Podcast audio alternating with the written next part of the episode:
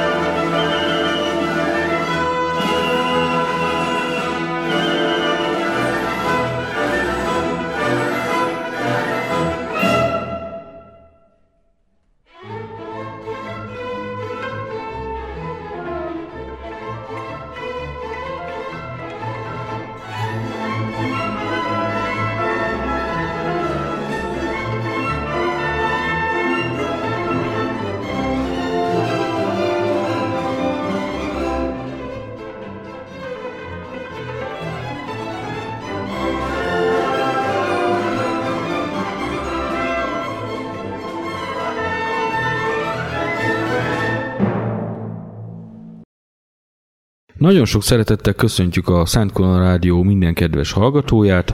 Ez itt a Hadak útján című hat beszélgetős műsorunk soron következő 86. adása. Vendégem egy régi, visszatérő vendége a műsornak, Máté Endre, a Viszocki Légió Hagyományőrző Egyesület szakmai vezetője. Jó mondtam? Igen, szeretettel üdvözlök mindenkit én is, minden kedves hallgatót és téged is a stúdióban a Viszocki Légió Hagyományőrző Egyesület parancsnoka és szakmai vezetője, mert az elnökünk, mint, az mint más személy. administratív terheket viselő személy más. Rendben. Egy négy adásból álló beszélgetés sorozatunk egyik újabb állomásához érkeztünk, témánkat pedig, amely a lengyel bolsevik háború lesz 1919 és 21 között, érintőlegesen már foglalkoztunk vele, pár mondat erejéig, most viszont egy egész adást szeretnénk szentelni neki. Úgyhogy vissza is tekerjük az idő kerekét körülbelül 92 évre, és azok a történelmi dolgok, amik az első világháború végén kezdői Európát jellemezték, erről kellene beszéljünk legelőször, bár egyetlen egy szóval is lehetne jellemezni az itteni állapotokat, mégpedig úgy, hogy káosz. Sőt, még, még rád licitálnék, káosz a köbön vagy a négyzeten. Gondolok az 1917-es bolsevik forradalomra, és az azt követő Trotsky által a németekkel megkötött különbékére, a Brest-Litovski békére, ami Végső soron megszüntette a keleti frontot Németország és az osztrák-magyar monarchia részére, így aztán teljesen a nyugati frontokra neheződtek a súlyok, és a német hadsereg nagy területet megszállt katonailag, de ahogy véget ért egy évvel később a háború, ők is elkezdtek visszavonulni, vagyis a lengyelek részéről mind a két nagy hatalom, amely eddig felosztotta őket, gyakorlatilag megszűnt létezni. Véget értek a harcok. És aztán utána meg ezen a frontszakaszon újultak fel, de már nem német-orosz vagy német-szovjet-orosz viszonylatban, hanem az ottani ébredő nemzetek, népcsoportok függetlenségre ébredése által akár a baltikumi, akár a volhíniai, ukrajnai térségben lévő népek szinte mindegyik egymással küzdött, ki melyik nagyobb hadsereget tudott felállítani, sokszor csak szabad csapat szinten, vagy népfelkelés szinten, de egymással küzdöttek lengyel-litván, lengyel-belorusz, lengyel-ukrán, ukrán-belorusz, ukrán-ukrán, mert ilyen is volt, ugye, mert Igen. Ukrajnában is két hatalmi erő alakult ki. Egyik volt az ukrán népköztársaság, a Petrula féle formáció, amelyik Igen. először a lengyelek ellen harcolt, de aztán kibékültek, mert Petrula viszont a szovjetek ellen is harcolt védte a saját függetlenségét, és így szövetséget ködöttek. Viszont a fehérekkel is probléma volt, mert ugye fehérek meg pedig a vörösök ellen küzdöttek, ugyanakkor... Zajlott egy intervenciós háború zajlott, is Oroszország igen, ellen, igen, a vörösök amelyet ellen. az Antant támogatott. Ha már itt tartunk ebben a nagy közép-európai káoszban, ekkor mondta egyébként Winston Churchill, hogy az óriások háborúja befejeződött, a törpéké elkezdődött. Egész Közép-Európát egy ilyen óvodai székfoglalóhoz lehetne hasonlítani. Ebben a székfoglaló játékban pedig egyetlen egy szabály volt, akinek volt hadserege, és azt a területet, ahol ő éppen volt, ellenőrizni tudta, annak ott később állama lett. Gondolok itt például Csehszlovákiára, amelyet ugyan támogatott az Antant, vagy akár Romániának a történetére, amikor megkapta Erdélyt egy az egybe, vagy az akkor formálódó szerb-horvát-szlovén királyságot, amely el- előtte ugyanúgy nem volt, mint akár Csehszlovákia. Hasonló helyzet alakult ki Sziléziában is, ugye amelyik nagyon sokáig német és többségében németek által lakott terület volt. Többféle Sziléziát különböztetünk meg, a lengyelek úgy mondják, hogy alsó, meg felső Szilézia, meg van még az a Csesin környéki cseh sziléziai rész. Felső Szilézia az a rész, hogy így mindenki által jobban láttassuk, amelyik Krakóhoz esik közelebb, ugye Katowice a központja a hatalmas iparvidékkel, Auschwitz, Oswiecim, Gliwice, ahol a rádióadó volt, tehát ezek a részek. Régebben is német terület volt, de nagyon sok lengyel élt azon a részem. Ez már olyan határövezet volt. Most a... is közel van egyébként igen. a lengyel-cseh határhoz. Igen. Akkor a lengyel-szlovákhoz. Az alsó Szilézia amelyik tényleg többségében olyan 70%-ban németek által lakott terület volt, ez pedig Poznány és annak tág körzete. És akkor volt még egy kicsi, az a Csesziléziának nevezett rész, az Olza folyó mentén, Csesin központtal, ahol szintén egy külön konfliktus helyzet alakult ki. Sziléziánál azért, mint ahogy az előbb meséltél erről a óvodás játékról, a székes játékról, azért volt ott egy óvónéni is, nem csak nyolc gyerek a hét székre, hogy tud leülni, az óvónéni pedig maga a Népszövetség volt, amelyik ugye népszavazást akart kiírni erre a területre, de az aztán nem jött össze. A Népszövetség 1920-ra tervezte a népszavazás kiírását, amit ugye aztán a hadi helyzet felülírt. Most a Csesini Sziléziáról beszélünk, ez a cseh-lengyel közös határvidék az Olza mentén. Cseski Tesin, a régen németül Tessennek hívták ezt a részt, én elég sokszor megfordulok ezen a területen, amikor megyek Lengyelországba, és pont itt van ugye a határátkelő hely Csesin és Cseski Tesin között, ha autópályán megy az ember, nem pedig a hegyeken, ugye Szlovákián keresztül. Tehát ez egy félbevágott város, klasszikusan félbevágott. Kis Szelmenc és Nagy Szelmenc. Ö, ott nem voltam, nem tudom. Egy félbevágott székelykapu van, a kárpátaljai falu. Uh-huh. Ezt a második világháború után nyesték ketté a falu közepén a Igen. határral. Itt itt egy folyó, tehát az Olza folyó a határ, ezt húzták meg, de nem úgy képzeljük el, mint a Dunát, tehát Komárom, Komárnónál úgy annyira nem is érezzük, mert egy hosszú Dunahídon megyünk át. Itt ugye legfeljebb egy 50 méter széles ez a folyócska, és ez vágja ketté a várost. Lengyeleknek szerencséjük volt, mert ők kapták az ősi Csesin, tehát a régi várral, zegzugos utcácskákkal. És mondjuk ugye, az ipartelepeknek melyik? Azon a részen is van ipar, de a cseh oldalon is van, ott inkább lapos a város, tehát a lengyeleknél dimbes-dombos, cseh oldalon lapos. De azért mind a kettő kapott ipart, de a csehek azért több iparrészt kaptak abból a 1000 négyzetkilométerből, ami vitatott volt. Ugye 1919-20-ban Cseski Tesin lett a cserész, Csesin pedig a lengyel rész, ahol egy ideig úgy nézett ki, hogy békésen megoldódik a dolog, közös közigazgatás volt ezen a majdnem 1000 négyzetkilométeres területen, tehát nem nagy terület, Igen. de nagyon értékes iparvidék. Párhuzamosan működött egy lengyel nemzeti tanács, meg egy cseh hasonló megfelelője. Míg nem, a csehek gondoltak egyet, a cseski tesiniek lerohanták a csesinieket, és egészen a Visztuláig nyomták vissza a lengyel védelmi erőket, ugye nem lengyel hadseregről beszélünk hanem itt szándékosan, ilyen területvédelmi mm. egységeket. 1919. január 23-án lerohanták, és egészen a Visztuláig nyomták vissza a lengyeleket.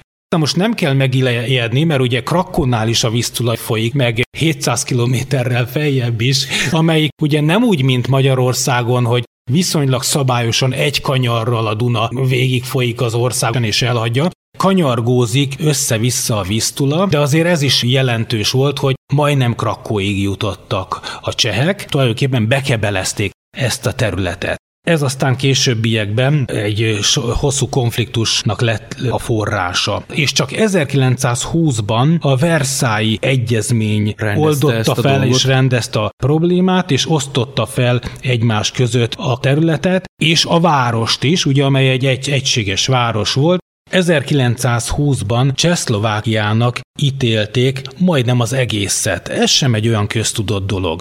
Függetlenül attól, hogy német többségű volt a terület. Tehát a Versailles béke szerződés nem tudta rendezni véglegesen ennek a területnek a hovatartozását.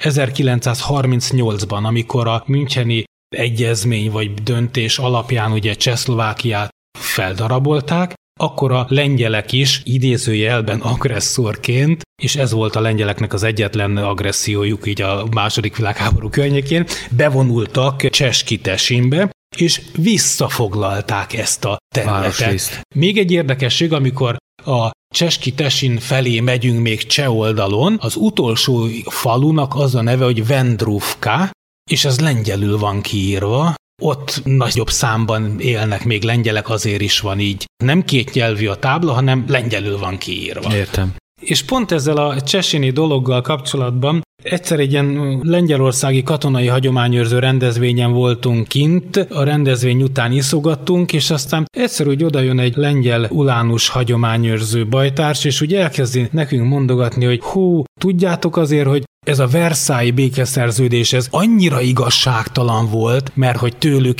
elvették fél Sziléziának ezt a csesini részét, meg, és akkor mi elmondtuk nekik, hogy akkor mi mit szóljunk, ugye? Igen, mert nekünk a területünk kétharmadát vették el, Plusz a vicc az egészben, hogy a Versailles békaszerződést az újon alakuló Lengyelország is aláírta. Plusz, amit Árva megyében megkaptak tőlünk, azt, hogyha egyszer odafordul a kerék, akkor illene visszaadni. Pont nem régiben jártam azon a területen is, és beszélgettem emberekkel, és az ottani magyar emlékeket kutattam, találtam is egyet-kettőt. Azt kell, hogy mondom, még jobban jártak azok, akik Árvából Lengyelországhoz kerültek, mint akik Csehszlovákiához. Csehszlovákiához, igen.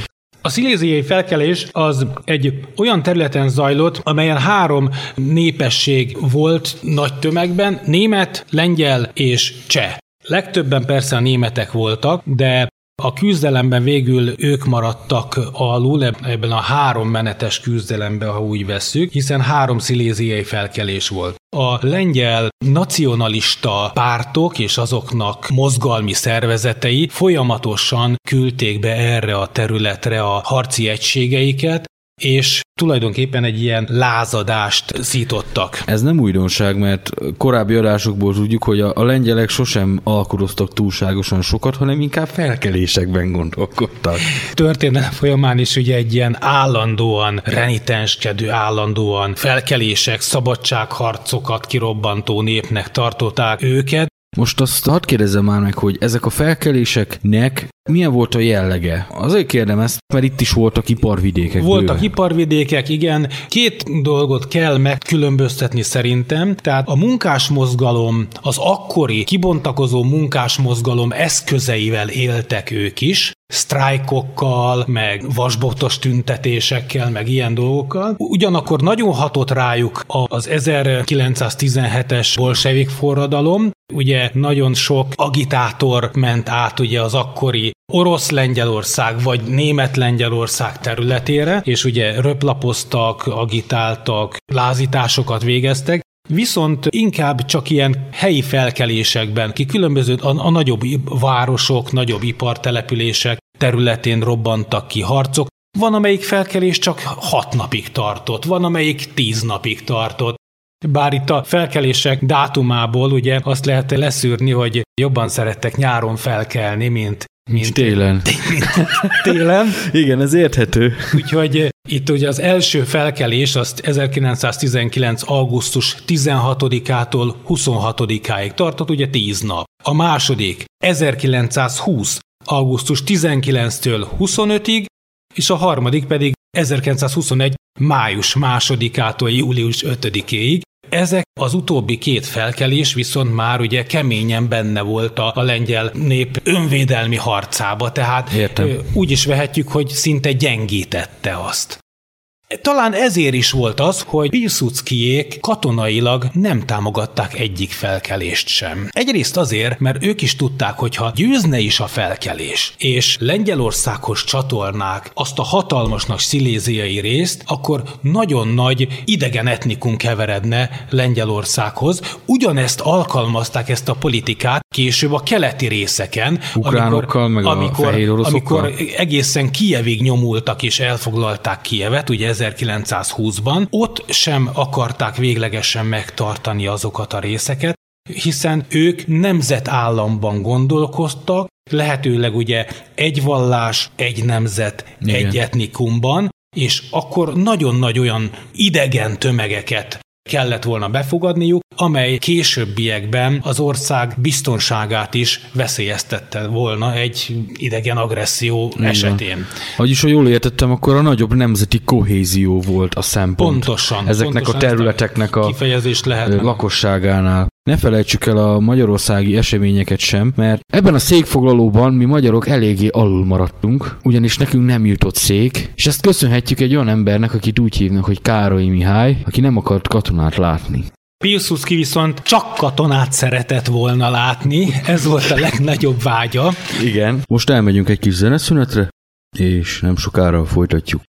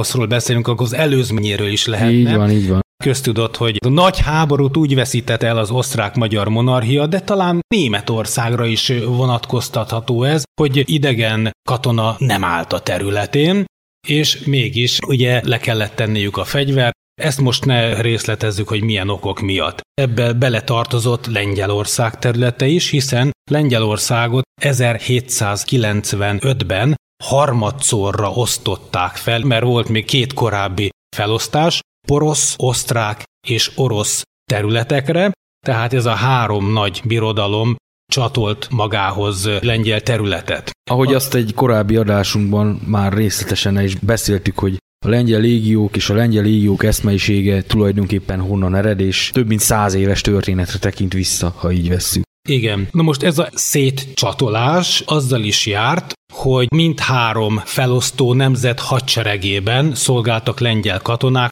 sőt nem csak szétosztva egyes egységekhez, hanem tömegével önálló egységekben is. Tehát ugye akkor az orosz cári hadseregben, a Kaiser und König, osztrák-magyar hadseregben, és illetve hát a, a birodalmi, birodalmi német. porosz vagy német hadseregben. És ezek és egymás ellen is harcoltak. Valóban, ezek egymás ellen is harcoltak sokszor, legalábbis az oroszok oldalán lévők ellen a német vagy az osztrák oldalon harcoló lengyel katonák.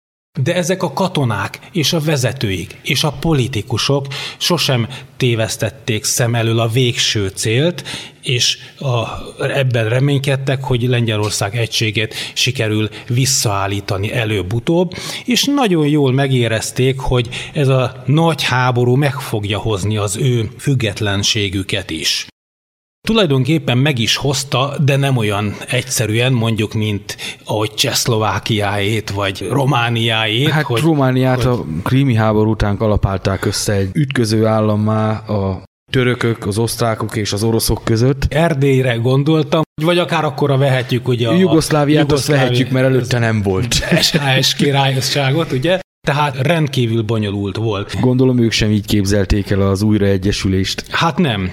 Próbáljunk akkor megbirkózni ezzel a dologgal. Ugye még békeidőben, az 1880-90-es években Piłsudskiék, akkor ő még ugye fiatal szocialista politikus volt, de nem az a szocialista, amiket nem ma ismer, akkor, igen. Amiket ma ismerünk, és társai, akár a nemzeti radikálisok, ugye ez megint csak a, a fő célt szemük előtt tartva, létrehoztak lövész egyleteket. Igen, erről volt szó, céltáblára, vadászfegyverekkel, kispuskákkal, stb. Na most ezek titkosan már egy elkövetkezendő lengyel hadseregnek a magját képezték. Ennek az első lépéseként hozták létre ugye a, a központi hatalmak berkein belül ezekből a lövészegyletekből Akár először ugye az első világháború elején még nagy lelkesedés volt, önként vonultak be az emberek sokszor, aztán utána már sorozták a hadseregbe, tehát létrehozták a légiókat újból. Ez már ugye tradicionális volt a lengyel történelemben,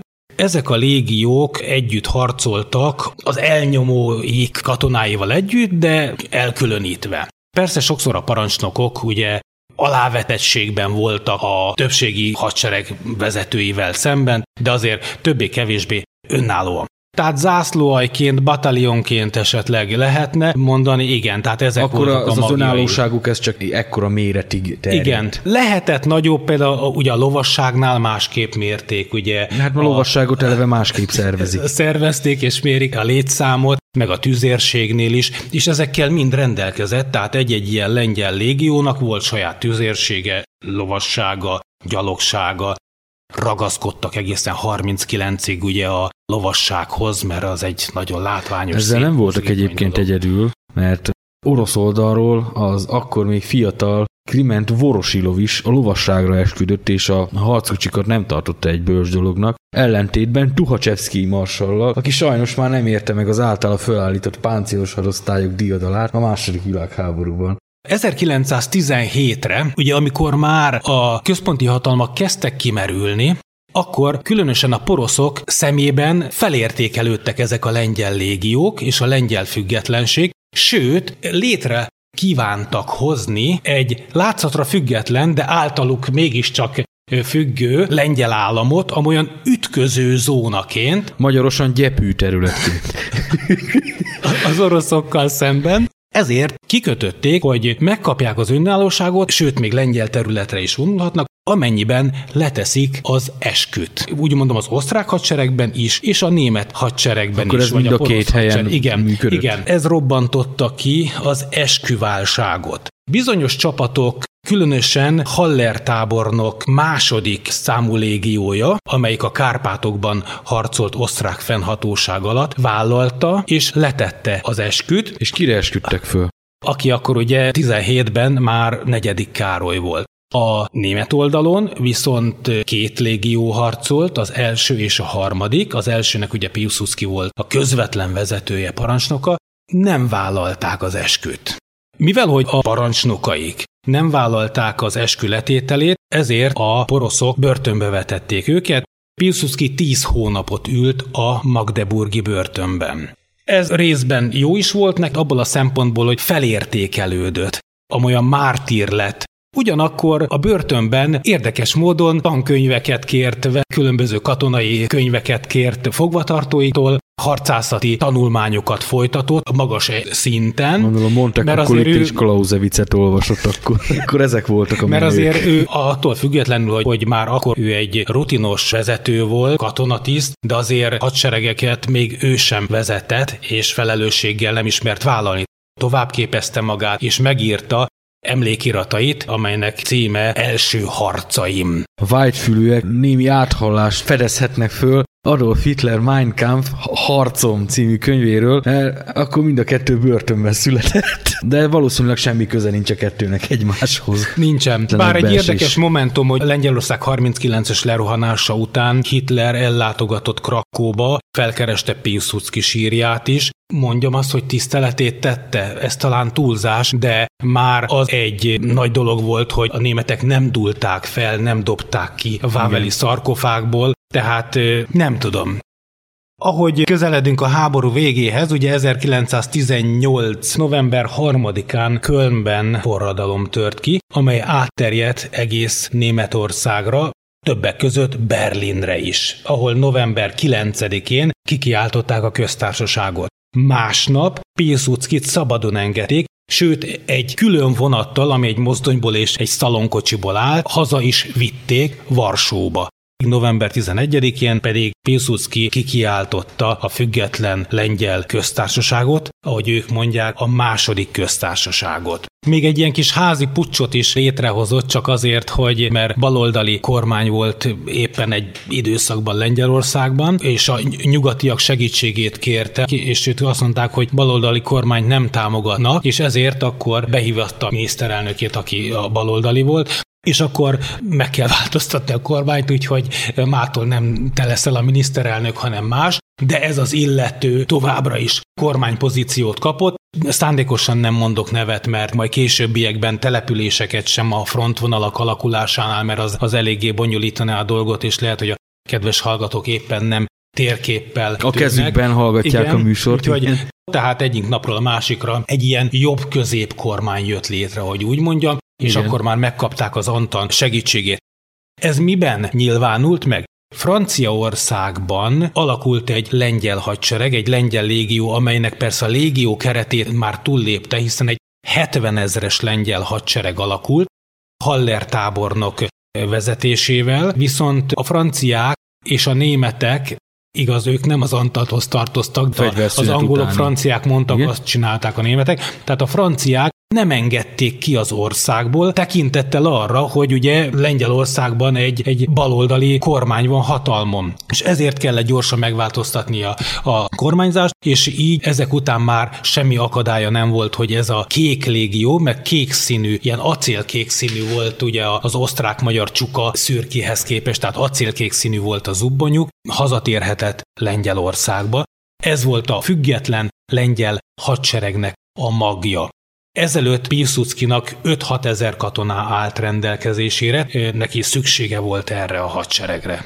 Így van. Egyébként nemzeti hadsereg nálunk is alakult, és be is vonult Budapestre 1919. novemberében, és akkor már túl voltunk ezen a dicsőséges 133 napon is, amikor is egy életre megtanultuk a leckét a bolsevizmus alfájáról és omegájáról. Még így a lengyel-szovjet háború elnevezéséről egy pár szót ejthetnénk. Szorosan véve az elnevezést ez téves, hiszen akkoriban még ugye Szovjetunió, mint politikai formáció még nem volt, ez Vagy inkább lengyel-szovjet oroszként lehetne mondani. Sok helyen, sok történész meg lengyel-bolsevik háborút mond. Szerintem ez a legporrektebb Igen, talán ez lenne a legjobb. Hogy keveredtek tulajdonképpen háborúba a szovjetekkel? Lengyel önvédelmi erők, mert az előbb azt mondtad, hogy hadseregről még nem igazán lehet beszélni. Tehát a, a Casus Belli tulajdonképpen az volt, hogy 1918. november 11-én. Vagyis tehát, a német fegyverszünet után igen, egy héttel. És Pilsudski szabadon engedése után egy nappal Vilnában megalakult egy kormány, egy Voldemaras nevezetű úriember vezetésével, amely aztán később áttette székhelyét Vilnából Kaunasba. 1918. november 18-án a szovjet legfelsőbb katonai vezetés utasította a Vörös Hadsereg nyugati részlegét, hogy a német csapatok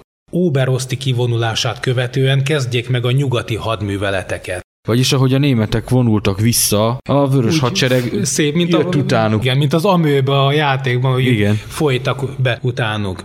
Csak hogy ezekre a területekre az újonnan született lengyel állam is igényt tartott, és bevonultak ezekre a területekre ők is. Illetve ilyen önvédelmi igen, vagy ott alakultak, igen. Csináltak. Itt több kisebb összecsapás történt a lengyel és a szovjet csapatok között. Na és akkor 18 decemberében a bolsevik hadsereg Litván területen megjelent, Lengyelország nyilatkozatot tett közzé, hogy ezt a szovjet-orosz kormány imperializmusának és agressziójának tekinti, tehát ez volt a Casus Belli. 1919. január 5-én a Vörös Hadsereg majdnem teljesen zavartalanul elérte Minsket, és véget vetett a rövid életű Fehér Orosz Népköztársaság történelmének. Ezek után februárban megalakult a Litván-Belorusz Szocialista Tanácsköztársaság. Ugyanakkor egyre több és több lengyel önvédelmi egység bukkant fel Fehér Oroszországban és Litvániában, többek között a litván és fehér orosz önvédelmi erő. A fő cél az volt, hogy amekkora területet csak lehet helyi erőforrásokkal védjenek meg. Az újonnan alakult lengyel hadsereg elkezdte keletre küldeni első egységeit, hogy segítsék az önvédelmi erőket, a lengyelek támadtak először, ha ezt lehet így mondani. Március 5-én volt 1919-ben. Elfoglalták Pinskot, és odaértek a lidai területre, Április 16-án kezdték el a támadást, amelynek a célja Vilna, Vilnius felszabadítása volt. Egyébként ez Piłsudskinak is a szívügye volt, hiszen a szülővárosáról volt igen, szó, igen. tehát ő hazament. De nem sokáig tartózkodhatott ott sajnos, igen. ugye, mert érdekes módon litvánok nem a felszabadítót láttak a lengyelekben, hanem amikor úgymond felszabadították Litvániát az oroszok alól, akkor a litvánok rögtön követelték, hogy azonnal vonuljanak ki a lengyelek, mert semmi keresni valóik nincsen. Ki is vonultak, tehát nem, nem akartak ők ott hódítóként megjelenni. Utána viszont bevonultak újból az oroszok. Az, hogy a lengyelek a bolsevikokat kiúzték Litvániából, ezek voltak az első ilyen fegyveres érintkezések a szovjet, a bolsevik hadsereg és a lengyelek között. Tehát 19. február közepére lassan elkezdett kialakulni a frontvonal, ami részben most történés szemmel már jobb, mert áttekinthetőbb volt, és ez a frontvonal többé-kevésbé a Nyemán folyót követte. Az oroszok így körberakták, vagy elkezdték körberakni Lengyelországot, de legalábbis a Körzn mentén, ugye amelyik egy demarkációs vonal volt, ilyen szocialista tanácsköztársaságokkal, például létrehozták a ukrán tanácsköztársaságot. Németeket érték fel a háború végén, ugye ők állomásoztak szervezetten, legnagyobb erőben azon a területen, tehát a Népszövetség őket bízta meg ennek a demarkációs vonalnak az őrzésével, Nos, ez a bizonyos vonal, ez a Baltikumtól majdnem a Balkánig ért, azt lehet mondani, egy jó 2000 kilométer hosszú vonal volt, és egy-két kilométer széles. Ha jól emlékszem, nekünk is volt ilyen demarkációs vonalunk, de ezt a kisantant csapatok úgymond nem tartották be. Egyedül a székely hadosztály volt az, amelyik bravúrosan ellen tudott állni a Így van, a meg az egyetlen intakt erő volt akkor abban a pillanatban. Igen, Most elmegyünk egy kis zeneszünetre, és nem sokára folytatjuk.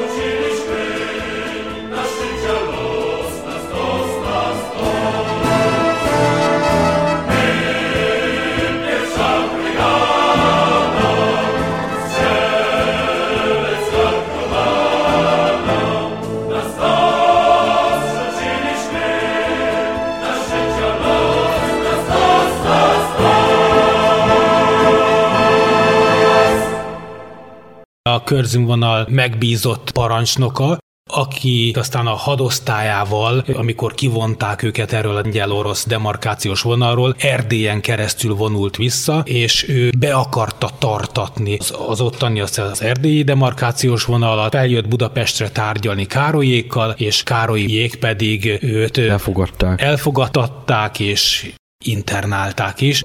1919 elején Oroszország új kommunista kormányának vezetője, Lenin nagyobb optimizmussal kezdte szemlélni a forradalom jövőjét. Arra gondolt, hogy esetleg ezt át lehetne vinni nyugatra is valahogy, esetleg összekapcsolódni az akkori Weimári köztársasággal, meg az egész németországi... Hát meg a Magyar Tanács köztársasággal. Meg a szlovákkal, ugye, az eperjesi kommunnel, ugye. Ki lehetne hozni ebből valamit, gondolta Lenin a Kremben, és aztán Pilsudskiék látták, hogy hú, ebből nem, nem lesz jó dolog, mert akkor a következő lépés már a lengyel tanácsköztársaság lesz. Köztársaság lesz. Igen, mert akkor már az intervenciós csapatok Ázsiában, keleten visszavonulóba voltak. Tuhajcsevszki meg éppen Kolcsakot páholta el, úgyhogy a hadiszerencse visszatért a vörösök javára, de itt volt még nekik ukrán területen Gyenyikin fehér hadserege, aki aztán tudtán kívül belefolyt magába a lengyel bolsevik háborúba is, Hát igen, mert amikor Gyenyikinnek még jól ment, akkor tett egy olyan kijelentés, hogy Lengyelország jövőjét legfeljebb az újra helyreállított cári Oroszországon belül csak legfeljebb egy önálló, Terület. autonóm területként képzeli el, és erre bizony Piłsudskiék szlengel mondva beintettek, és akkor azt mondták, hogy jó, akkor nem fogunk segíteni, ha Gyenyikintől csak ennyi hálát kapunk. Közben azért a diplomaták sem ültek ölbetett kézzel, a franciák felszólították Piłsudskit, hogy támogassa Gyenyikin bolsevik ellenes hadjáratát, ám az államfő a lengyel érdekeket tartotta szem előtt. És valóban veszni hagyták, sőt, az éppen a körzetben szolgáló, tehát Volhiniában szolgáló lengyel katonáknál szolgáló vöröskeresztes alakulatnak a parancsnoka egy szocialista, kommunista beállítottságú ember volt, ezt tudták fönn a főparancsnokságnál is, és vele küldtek egy olyan üzenetet Leninéknek, hogy szeretnének megbeszéléseket folytatni, és létrejött egy ilyen megállapodás, hogy a lengyelek nem fogják támogatni Gyenyikint, illetve ha, addig nem támadják Tuhachevski erőit. Addig nem támadják Tuhachevskit, igen. Amíg az Gyenikinnel nem végez.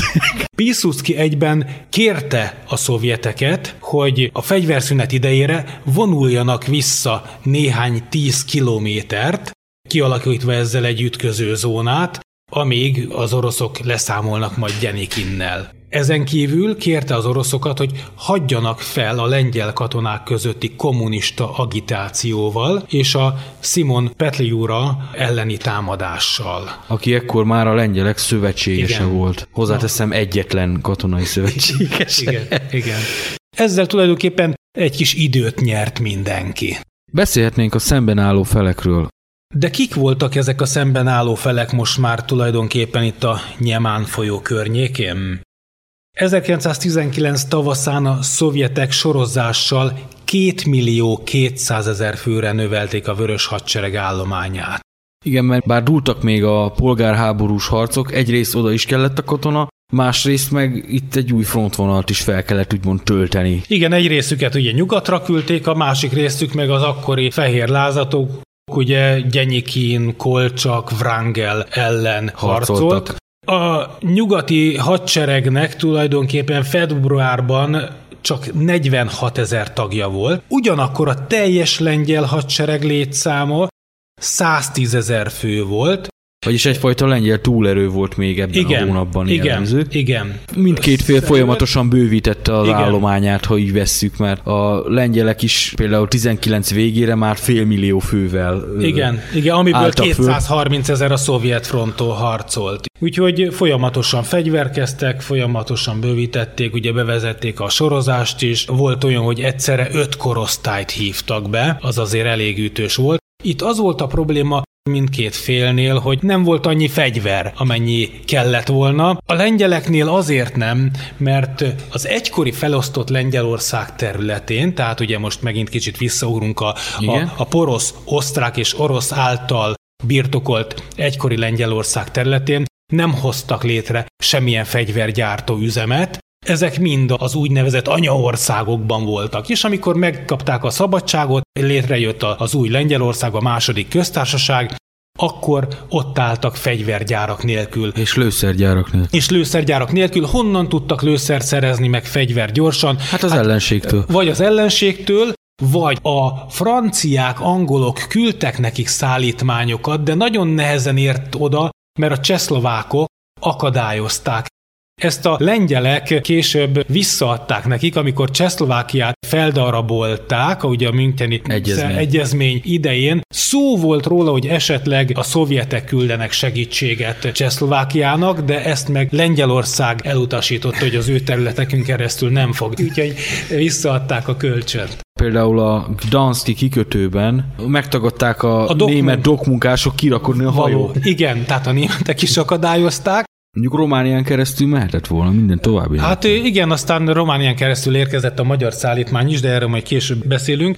Megerősödött a két ellenség, most már reguláris hadseregek álltak egymással szemben. Igaz, hogy ez egy hagyományos háború volt, még hagyományos fegyverekkel vívott, de azért a technika már itt is megjelent. Így van, méghozzá 1919. szeptemberében a lengyelek feltörték az orosz kódot, amivel az oroszok kódolták a rádiótáviró üzeneteket, és innestől kezdve a lengyelek az oroszok minden egyes lépéséről tudtak. Ez nagyban megkönnyítette egyébként az erő átcsoportosítás és a helyes katonai döntések meghozatalát. Ugye nálunk még nagy szám volt, hogy 1919-ben a tanácsköztársaság alatt szikratávíron beszéltek Leninnel és váltottak üzeneteket, ahhoz képest itt meg már ugye Na most fejtenek meg. Ezt a kódot egyébként a monarchia fejtette meg, csak az oroszok ezen módosítottak a háború utolsó évében, talán azt hiszem 17-ben, mert rájöttek, Viszont a lengyel távíró szakértők ezt a módosítást is megfejtették. Ami megkönnyítette hogy a lengyel fővezérnek Piłsudski marsalnak a dolgát.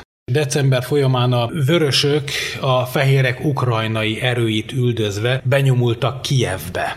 Ám ezzel nem csak Gyenyikint gyengítették meg, hanem Petliúrát is kiűzték az országból, ami a lengyelek kívánságával ellentétes volt. Lengyelországot azonban a szovjet csapatok még nem támadták meg, Sőt, Lenin 1919. december 22-én egyfajta karácsonyi ajándékként béke ajánlatot is tett Varsónak.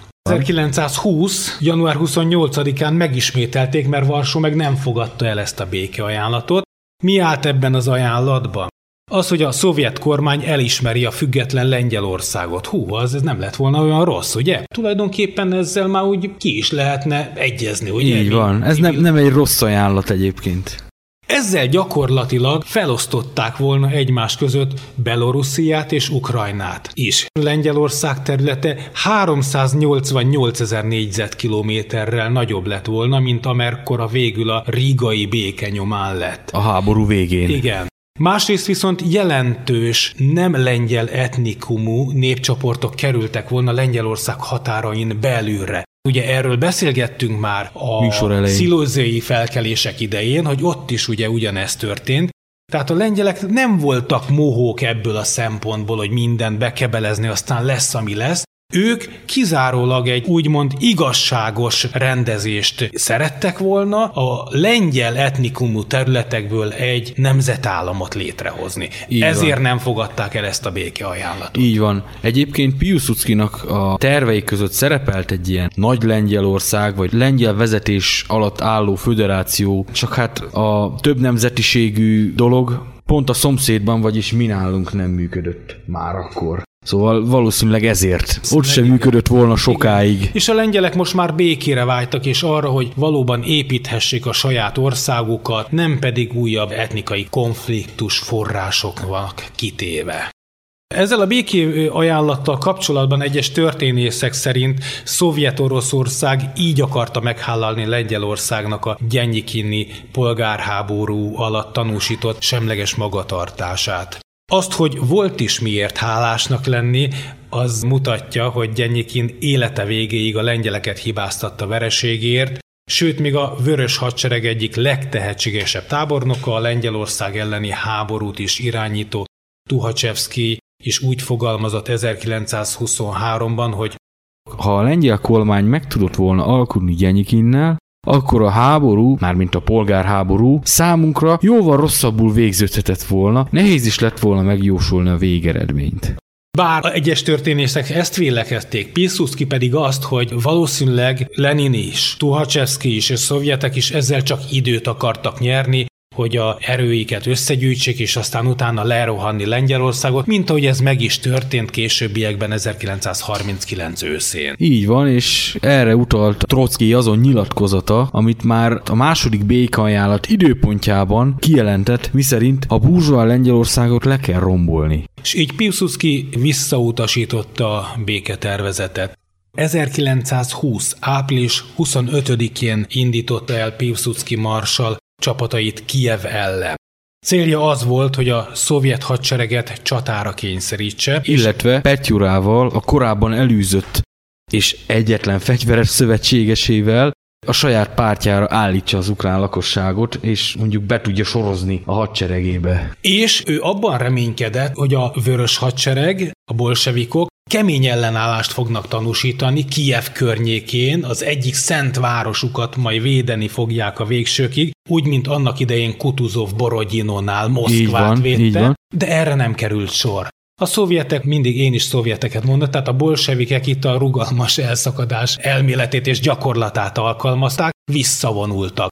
Piłsudski nem ugrott bele abba a csapdába, amiben aztán későbbiekben ugye a németek is, meg előtte Napóleonék is, hogy üldözi, üldözi, üldözi végig a hómezőkön, meg mindenen keresztül. Megállt Kievnél, elfoglalta Kievet, tényleg csak nagyon kis ilyen hátvéd, elővéd csetapaték voltak, Sőt, történt egy olyan is, hogy az egyik lengyel lovas felderítő szakasz bevonult Kiev elővárosába, ott leszálltak a lovakról, és felszálltak egy villamosra, és bevillamosoztak Kiev központjába. Erről ugye aztán tájékoztatták a főparancsnokságot, tehát hogy nincsen ellenség már a fővárosban, és aztán jött a főerő is.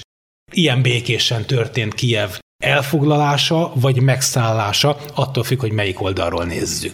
Míg a lengyel társadalom a győzelmet ünnepelte, addig az orosz nép egy tragédiaként érte Kiev elvesztését. De ugyanakkor ezt a tragédiát a szovjet-orosz propaganda kihasználta, és amolyan népfelkelést hirdetett. A lengyelek nem sokáig örülhettek Kiev elfoglalásának és jelenlétüknek, pedig nagyon empatikusan viszonyultak az ukránokhoz és Kiev lakosságához is. Meg volt tiltva, hogy lengyel zászlókat rakjanak ki a középületekre. Egy épületen volt csak lengyel zászló, ahol a lengyel főparancsnokság székelt, többi helyre ukrán zászlókat raktak ki, föl volt a város zászlózva, a bevonuló csapatokat virágözön fogadta, de ennek ellenére nem álltak mégsem a lengyelek mellé nagy tömegben az ukránok, pedig még egy olyan napi parancs is elhangzott Piłsudskiék részéről, hogy tilos mindenféle erőszakoskodás, rekvilálás, a város vezetése felajánlott bizonyos készletekből, élelmiszerkészletekből a lengyel hadseregnek, ugye, mert már megnyúltak az összeköttetési az vonalak. utánpótlási vonalak. De nem fogadták el ajándékként. Piłsudski kijelentette, hogy csak vásárlással ellentételezve fogadnak el bármit. A történészek is úgy ítélik meg, hogy a lengyelek békésen érkeztek oda, mindent megtettek a jó viszonyért, de hát az már nem az ő felelősségük, hogy az ukránok mégiscsak egy külön országban szerettek volna élni a Így lengyelektől van. és az oroszoktól függetlenül. Rendben van. Nagyon szépen köszönöm a műsorba való részvételt. Most sajnos elfogyott a műsoridőnk, de a beszélgetést a jövő héten folytatjuk. A műsor letölthető a letöltések rovatban, ugyanitt meg is hallgatható, illetve ismétlések formájában a műsorúságban írottak szerint szintén meghallgatható. A jövő heti viszonthallásra. Viszonthallásra.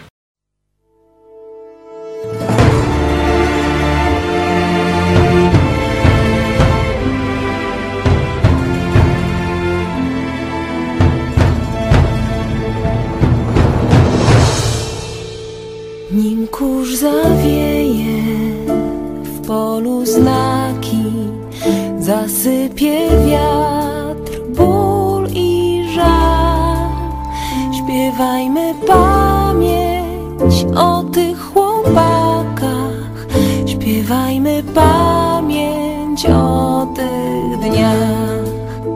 Nim czas odbierze mowę ptakom, Kamienny krzyż zetrze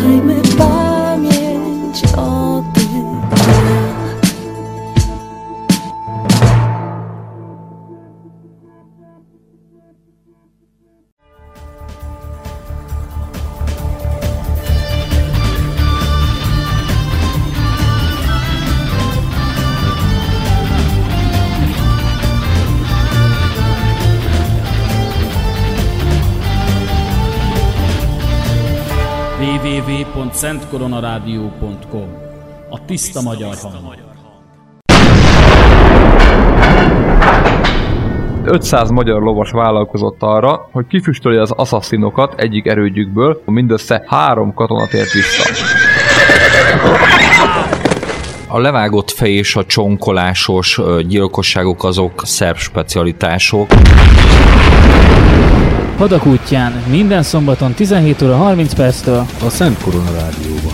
Mindenki vegye maga elé a saját otthoni kalasnyikov. Ja, senkinek nincs, igen.